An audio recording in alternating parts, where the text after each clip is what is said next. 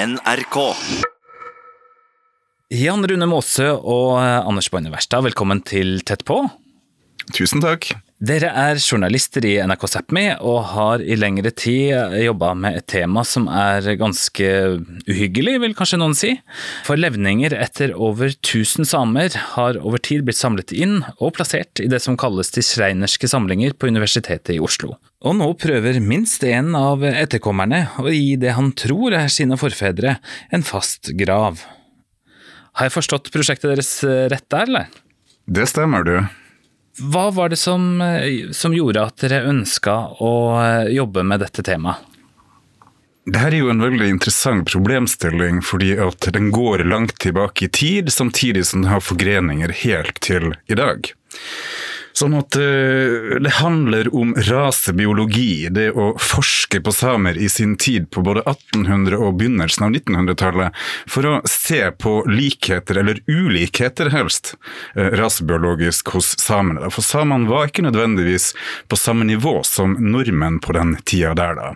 Uh, samtidig så er det jo sånn at dette materialet har blitt bevart i alle disse årene, og er fremdeles i dag til forskning på Universitetet i Oslo. Oslo. Hmm. Hvor vanlig var det at man forska på døde samer? Altså, uh, dette starta jo uh, som en slags innsamling rundt 1850-tallet i, i, Norge, da, og fortsatte utover begynnelsen av 1900-tallet, faktisk helt fram til 1958. da. Uh, det starta i det små, men etter hvert så var det en professor som het Christian Emil Skreiner, som tok tak i dette og begynte å, å jobbe veldig hardt for å samle inn både hodeskaller og skjelettmateriale fra store deler av Nord-Norge. Sånn at denne samlinga som er bevart i dag på nøyaktig 1062 individer, består jo av forskjellige ting, men den er samla inn eh, og har fått navnet etter denne professoren som drev med rasebiologi, som het Christian Emil Skreiner. Så han reiste rundt med papirer fra staten som var undertegna og signert, eh, hvor han hadde rett til å gå på gravplasser, gamle plasser, eh, og, og sette spaden i jorda, spa opp, løfte opp hodeskaller, putte dem i striesekker og føre dem til sør. Men hva kom ut av forskninga? Leda det til noen interessante resultater, eller? Det materialet som vi har og sett på, der er det bl.a. forskning på, som er rasebiologi. Det handler om å se på hvordan samene ser ut, f.eks. utenpå. Altså Man målte rett og slett hodeskallene centimeter for centimeter, eh, og liksom så hvordan oppbygginga var da på kraniestrukturen og sånn type ting. da. Eh, nå er ikke jeg en forsker, men jeg refererer til det vi har sett, og, og det som denne samlinga var bygd på den gang da. I moderne tid så har det nærmest vært bom stopp. Det har nesten ikke vært noe forskning de siste 30 årene. Det har vært noe hvor man har sett på hofteleddsproblemer knytta til dette, og en professor har gitt ut eh, noe materiale på det. Men utover det så har det egentlig vært ganske stille og ganske stans. Dere nevnte at uh, Skreiner hadde tillatelse fra, fra, sentralt hold til å samle inn uh, disse levningene rundt omkring fra Nord-Norge. Vet dere noe om hvordan det ble mottatt av folk på den tida? Så langt som vi har forstått, så har ikke dette vært noe populært ute i bygdesamfunnene. Eh, det har blitt sett på som en form for gravplyndring. Og eh, vi har jo eh, under dette arbeidet vært ute og møtt en, en person da, som arbeider nettopp nå for å få tilbake det han tror er slektninger som kan være gravd opp på en liten øy som heter Lappholmen. Og dette er en øy, en gravøy ute i Tysfjorden. Og han gir uttrykk for at det er en form for smerte knytta til det. da. Så han ønsker å få matcha da de han tror er henta ut fra Tysfjord, eller fra akkurat denne øya Lappholmen, eh, hvor det da skal være slektninger som var begravd i, i tidligere tider. da. Han ønsker å faktisk ta DNA-prøver av hodeskallene og matche det med sitt eget blod, nettopp for å kunne identifisere slektskapet. da. Vi kan høre hva Ingar Nikolaisen Kuljok sier selv. Ingar eh, Nikolaisen Koljuk, eh, velkommen til Tett på. Ja, takk. Og kan du fortelle hva, Hvilken kamp er det du står i nå? Det er en av de kampene som, eh, som er viktig for meg. og det, det går på, denne, denne, kampen går på å uh, få tilbake våre døde. De som er, er fjerna fra, fra gravene her i, i Tysfjord. Kan du fortelle litt om bakgrunnen? Hvilken, relasjon har du til, til de som har blitt fjerna? Det, det, vet jeg veldig mange av mine forfedre er begravd på Vanersollo, eller Lappholme, som det også blir kalt på, på, på norsk. Både tippoldeforeldre, i hvert fall én tippoldemor, flere tipptippoldeforeldre og flere nære slektninger til dem er begravd der. Det vi vet, er at uh, i 1914 og 1921 så ble flere av de gravene gravd opp av forskere fra Oslo. Mm. Og de er da blitt fjerna. Og de, flere av levningene der befinner seg i dag eh, ved Anatomisk institutt ved Universitetet i Oslo. Jeg vet ikke hvilke ord jeg skal sette på det, men det er sånne ting som, altså noen uverdige ting både, både skallemålingene og også, også oppgravinga av døde. Og det gjaldt både de som ble målt, men også veldig mange motsatte seg det. Og en del historier om, om det også. Hvordan de, hvordan de protesterte, eller, og hvordan også de nekta å, å la seg måle. Hva ønsker du å oppnå i den kampen du kjemper nå? Altså, her er en urett som en gang ble begått. Og det er veldig viktig for meg at, denne, eh, at man starter et arbeid med å gjenopprette denne uretten. Og så må man gjøre noe med det. En del av denne forsoningsprosessen som, som vi er nødt til å ha. Og som eh, både norske institusjoner og myndigheter, men også enkeltmennesker må, må delta i. På samme måte som vi som, som enkeltmennesker må, på samisk hold må bidra et viktig steg på veien, eller et avgjørende steg sånn sett, eh, hvis jeg forstår deg rett, er at levningene kommer tilbake igjen og gjenbegraves, som det heter. Ja, det, og det er ganske elementært at, at akkurat som det har gjenbegravelse må skje. Hvis du stjeler sykkelen min, og så angrer du deg og um, ber om unnskyldning Det er en naturlig følge også at du, du begynner med å levere tilbake sykkelen før du ber om godt vær. Sånn er det overalt i verden.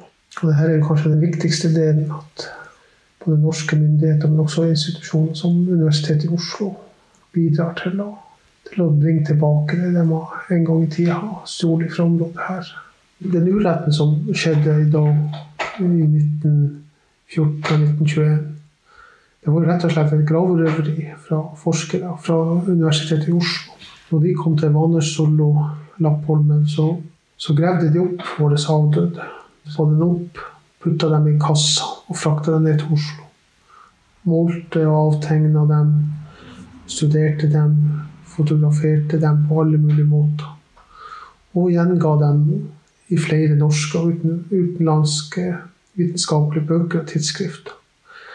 Arkiverte dem til slutt og lagra dem ved Anatomisk institutt ved Universitetet i Oslo, der de fremdeles befinner seg. Og da jeg tenker at når de tok dem bort fra Vannersol, og så ble de gjort til noe annet enn avdøde mennesker. Og de ble også fjerna fra de landområder som de og slekta deres hadde sin eldgamle tilknytning til. En sånn behandling bryter med alle forestillinger og normer om hvordan vi skal behandle de døde.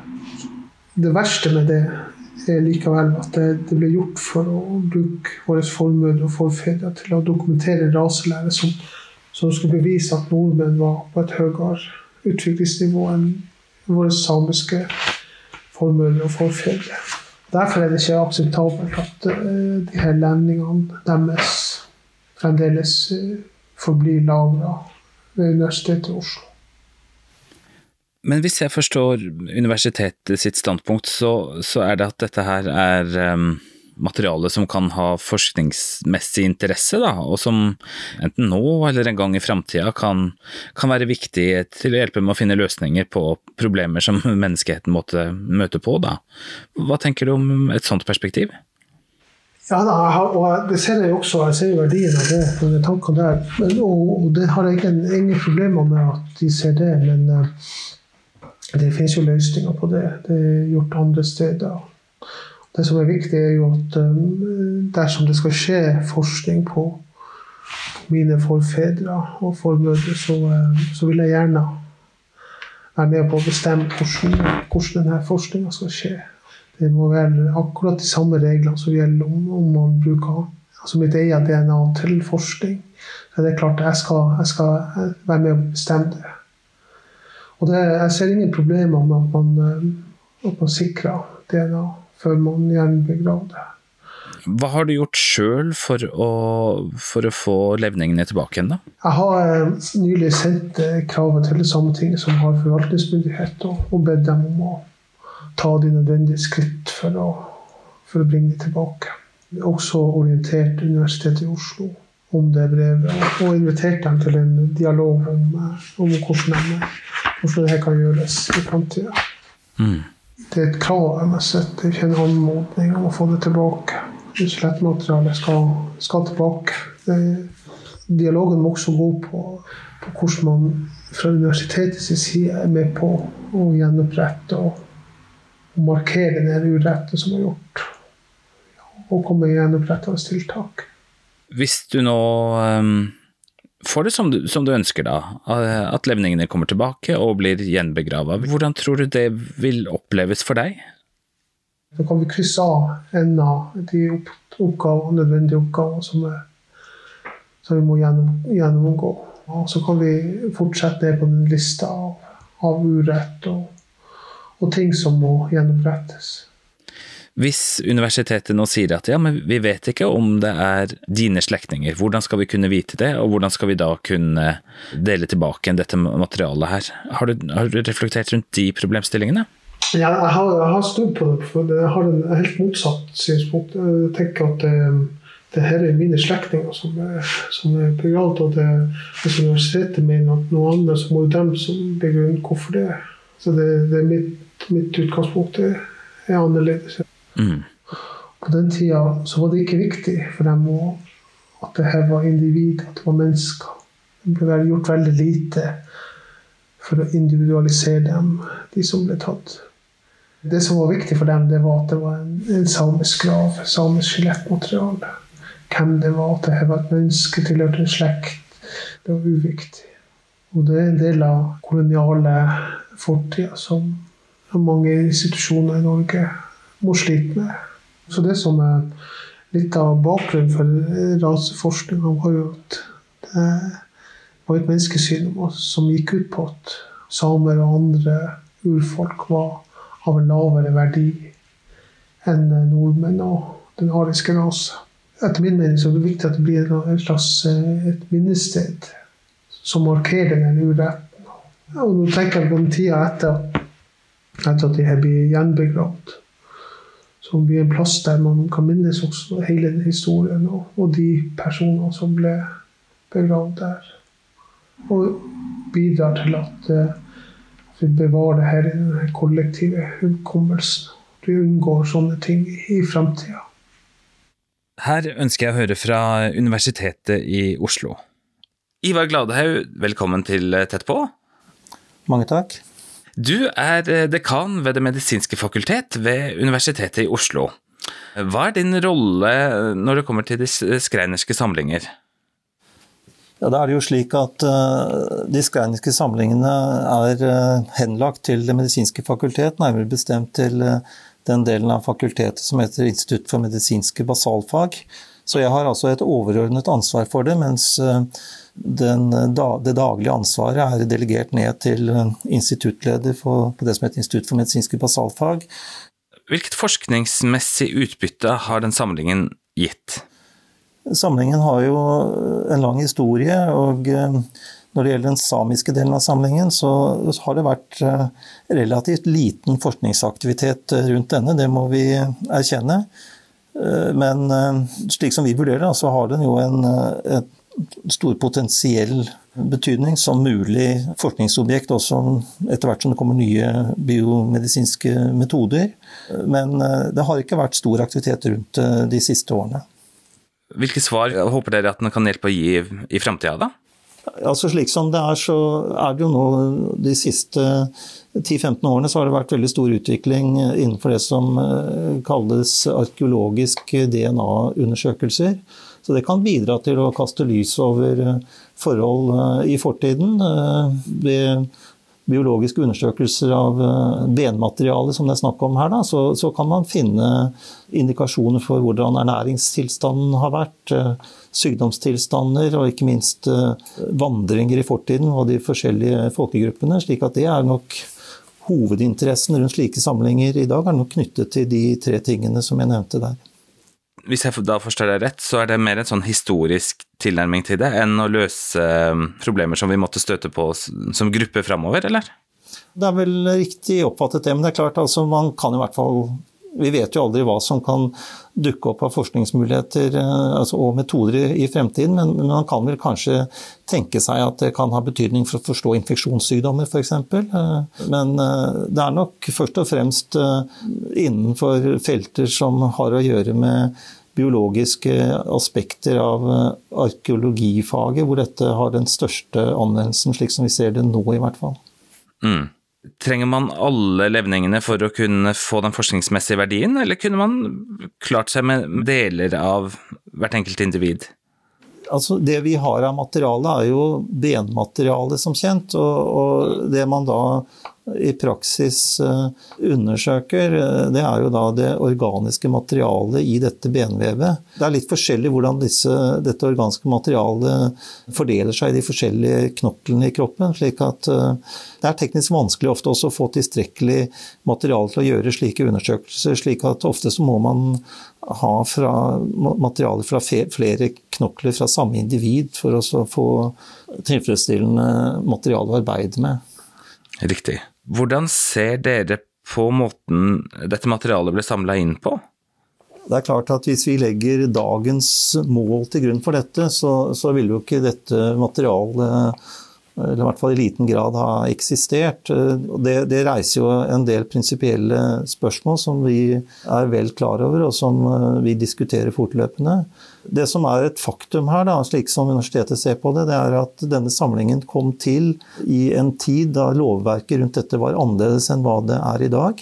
Det er viktig for oss å få frem at uh, at denne samlingen ble eh, opprettet under helt eh, lovlige forhold på den tiden da dette kom eh, til universitetet, og da disse menneskelige levning ble donert til universitetet.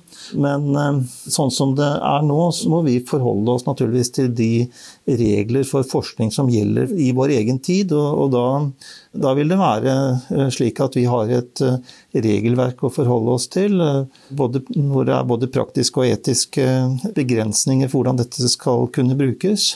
Når det gjelder den samiske delen av diskreinerske samlinger, så, så, er det jo Sametinget som har beslutningsmyndighet for hvordan dette materialet skal brukes. Det er viktig å få frem. Hvilket ansvar har universitetet sjøl for å føre de levningene som man kan føre tilbake til, til stedene hvor de er henta fra? Vi vil eh, bidra med det innenfor det som er det nåværende regelverket, og det som, som i dette tilfellet da, Sametinget faktisk bestemmer. Hvis vi ser det helt overordnet, så, så, er det jo to forhold her fra universitetets side. Det ene er at eh, det ligger i universitetets natur at eh, vi nok eh, ikke ønsker å frarøve fremtiden muligheten til å kunne få forskningsmessige opplysninger ut av dette materialet når det en gang foreligger slik som det gjør. På den annen side så må det gjøres innenfor det som er lover og regler i dag. Og det er ikke noe vanskelig for oss å si at eh, hvis det nå blir overordnede beslutninger at eh, dette materialet ikke skal forskes på, så vil vi naturligvis forholde oss til det. Men det er også et aspekt her at eh, vi føler, og det ligger dypt i universitetets natur og forskernes måte å arbeide på, at vi naturligvis ønsker å, å ha muligheten med også fremtidens mennesker, både forskere og eh, befolkningen som helhet skal kunne ha mulighet til å kunne lære om, eh, om eh, fortiden. Og i praksis, når det gjelder akkurat denne samlingen her, da, så, så, blir jo det en avveining mellom de si, etiske forholdene rundt det at man har en slik samling, versus de mulighetene denne samlingen faktisk vil kunne gi for å frembringe kunnskap også i fremtiden. Mm. Inga Nikolaisen Kuljok hevder at flere av hans forfedre ble hentet fra, fra det som ble kalt for Lappholmen på norsk. Han har sendt et brev med, med krav til Sametinget, og så vidt jeg skjønner kopi til, til dere om å få eh, gjenbegravet sine eh, forfedre. Er det mulig å si noe om hvordan dere forholder dere til, eh, til et sånt krav? Ja, altså, Det vi kan si om det, er at eh, jeg ble kjent med dette her eh, fredag 29. mai. Da, da ble vi kjent med at det var sendt dette spesifikke kravet til Sametinget med kopi til universitetet. Så det er nå mottatt på Institutt for medisinsk basalfag, som jeg nevnte innledningsvis. Slik at vi vil da behandle det i tråd med de retningslinjene som gjelder eh, på dette området. Eh, og eh, det som da er litt spesielt i denne situasjonen her, at, det, at, det er, at dette er faktisk en, en prinsipielt helt ny situasjon. Fordi at spørsmålet om DNA-undersøkelser med tanke på genetisk identifikasjon av dette materialet, det har vi aldri fått tidligere. Mm. Så det er en ny problemstilling også for oss. Og det er klart at det, det reiser også en del både praktiske og, og eh, etiske og også økonomiske spørsmål som vi må sortere ut. Og vi vil gjøre det naturligvis etter de retningslinjene som gjelder for dette, og eh, også avvente eh, Sametingets beslutning her. og Eh, jeg ser ikke bort fra at dette også må opp i det som kalles skjelettutvalget, som da er eh, en nasjonal eh, utvalg for å vurdere forskning på menneskelige levninger. Som er en rådgivende gruppe i slike sammenhenger. Men fra universitetets side så er vi naturligvis innstilt på å behandle dette på en positiv og åpen måte. Og, og, så får vi se hvordan den saken kan, kan løses. Eh, til syvende og sist så vil jeg vel tro at dette da også må opp til universitetets ledelse. Trenger man en DNA-test for, for, å kunne si at, eh, at, det er forfedre fra han, da? Det, det resterende materialet fra de samiske områdene i de skreinerske samlinger, så, så, er det ikke identifisert på individ av det som er inne i den samlingen. Mm. Eh, hvis det skal identifiseres med, med, sikkerhet at dette er forfedre til én bestemt person, så er vel dette den eneste måten hvor man eventuelt kan klare å få det til på. Det er jo ikke sikkert at det heller lykkes. Man har jo ikke noen annen metode for sikker identifikasjon da enn enn de metodene som moderne DNA-molekylærbiologi åpner opp for. Mm, han etterlyser også en dialog med universitetet, og, og savner vel kanskje at universitetet sjøl er, er, aktive og, og, tar initiativ til mulige gjenbegravninger. Da. Mm. Hva tenker du der? Nei, det jeg tenker rundt det er at uh, nå må vi la denne saken bli behandlet i den vanlige saksgangen vår. Og så, så vil vi komme til en beslutning uh, rundt dette. Dette reiser en del nye prinsipielle spørsmål som vi ikke helt overskuer konsekvensene av. Eh, og Derfor så trenger vi noe tid å tenke gjennom dette her på, før vi eh, kan komme med noen slags generelle uttalelser om hvordan vi vil forholde oss eh, til dette. Det har jo en del etiske konsekvenser. Vi vet jo ikke vi kan jo ikke si noe helt sikkert om påliteligheten i i slike identifikasjonsprosesser heller. Vi vet jo det er veldig variabel kvalitet på de forskjellige levningene. Det kan være vanskelig å få tilstrekkelig materiale. Det er usikkerhet beheftet med de analysene vi gjør. Eh, ikke minst så, så er det klart at, eh, at dette har jo også en, en praktisk arbeidsmessig og økonomisk side. Vi, på universitetet har vi altså rent prosaisk, og vi har ikke noen budsjettpost for, for disse sakene. Eh, alt dette her må vi tenke igjennom. Eh, så det er en, det er en prinsipiell eh, svært interessant problemstilling som er blitt reist ved dette kravet, og vi skal gå inn i det på, på vanlig måte. Mm. Ingar Nikolaisen Kuljok, han kaller dette her et gravrøveri. Og det er jo et veldig sterkt begrep, da. Hva tenker du rundt det? At det vekker en sånn fornemmelse og erkjennelse hos uh, mulige etterkommere over 100 år uh, etter at levningene ble fjerna fra disse gravene? Uh, nei, jeg har ikke noe problem med å skjønne det følelsesmessige rundt dette. Og dette hadde aldri kunnet skje i, i våre dager.